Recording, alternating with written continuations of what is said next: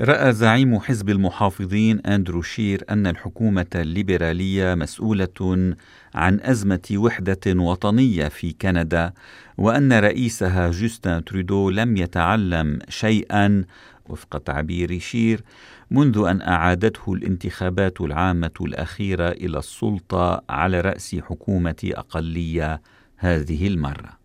As a proud MP from Saskatchewan, I would caution all of our colleagues from across Canada to not underestimate the deep alienation and anger that the people of my province, along with our neighbours in Alberta, currently feel about their deal in Confederation.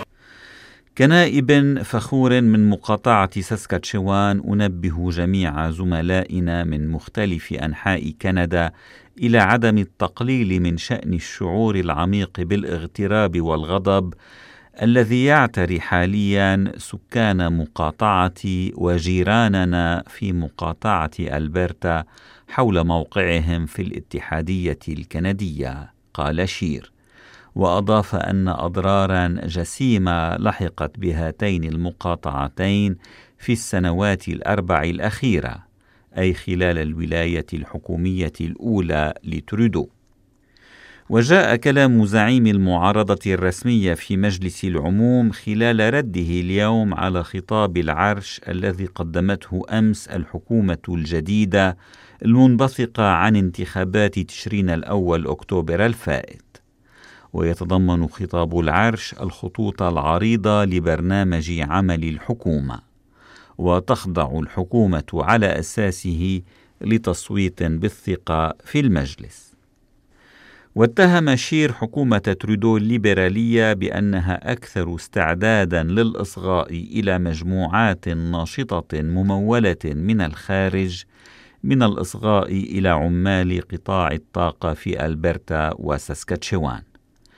وأضاف شير أن القانونين C 48 و C 69 اللذين أقرهما مجلس العموم السابق ذو الأكثرية الليبرالية أرسلا إشارات خاطئة إلى المستثمرين في قطاع الطاقة في وقت تراجعت فيه الاستثمارات في قطاع النفط إلى أدنى مستوياتها في عقد من الزمن.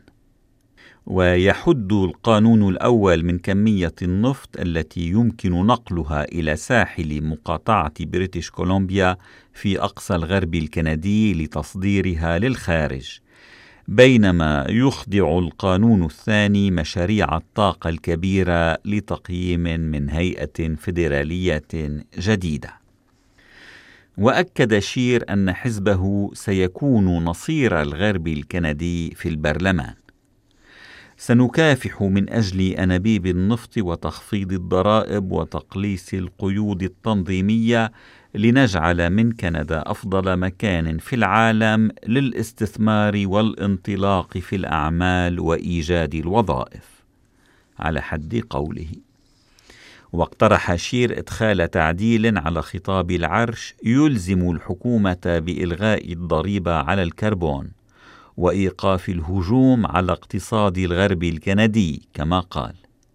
والضريبة على الكربون هي أحد إجراءات حكومة ترودو لتخفيض انبعاثات الغازات الدفيئة. وتفرضها الحكومة الفيدرالية في المقاطعات التي لا تتوفر فيها أنظمة ضريبة على الكربون خاصة بها. لكن حظوظ زعيم المحافظين بأن تقبل حكومة الأقلية الليبرالية اقتراحه شبه معدومة. فكل الأحزاب الأخرى في مجلس العموم تدعم الضريبة على الكربون وتدعو لاتخاذ المزيد من الإجراءات لمكافحة التغيرات المناخية. ورأى تقرير لوكالة الصحافة الكندية أن شير الذي يكافح داخل حزبه من أجل البقاء في القيادة بوجه دعوات البعض له لكي يتنحى وينتخب المحافظون زعيما آخر استعدادا للانتخابات المقبلة. أن شير يبدو مرتاحا بعزل حزبه داخل البرلمان.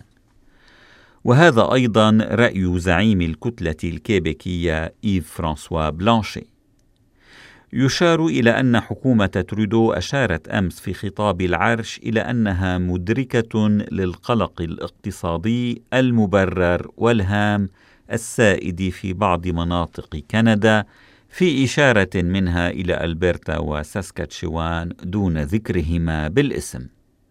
وجددت الحكومة التعهد بإيصال الموارد الكندية إلى أسواق جديدة في إشارة منها إلى عزمها على تنفيذ مشروع توسيع أنبوب ترانس ماونتن لنقل النفط من ألبرتا إلى ساحل بريتش كولومبيا. وبالنسبة للتصويت على خطاب العرش ليس هناك قلق لدى حكومة الأقلية الليبرالية من عدم الحصول على دعم أكثرية أعضاء مجلس العموم. فإيف فرانسوا بلانشي قال أمس إن كتلته الكيبيكية التي تضم 32 نائبا ستصوت لصالح الخطاب وهذا الدعم لوحده كاف لمنع الحكومة من السقوط في امتحانها الأول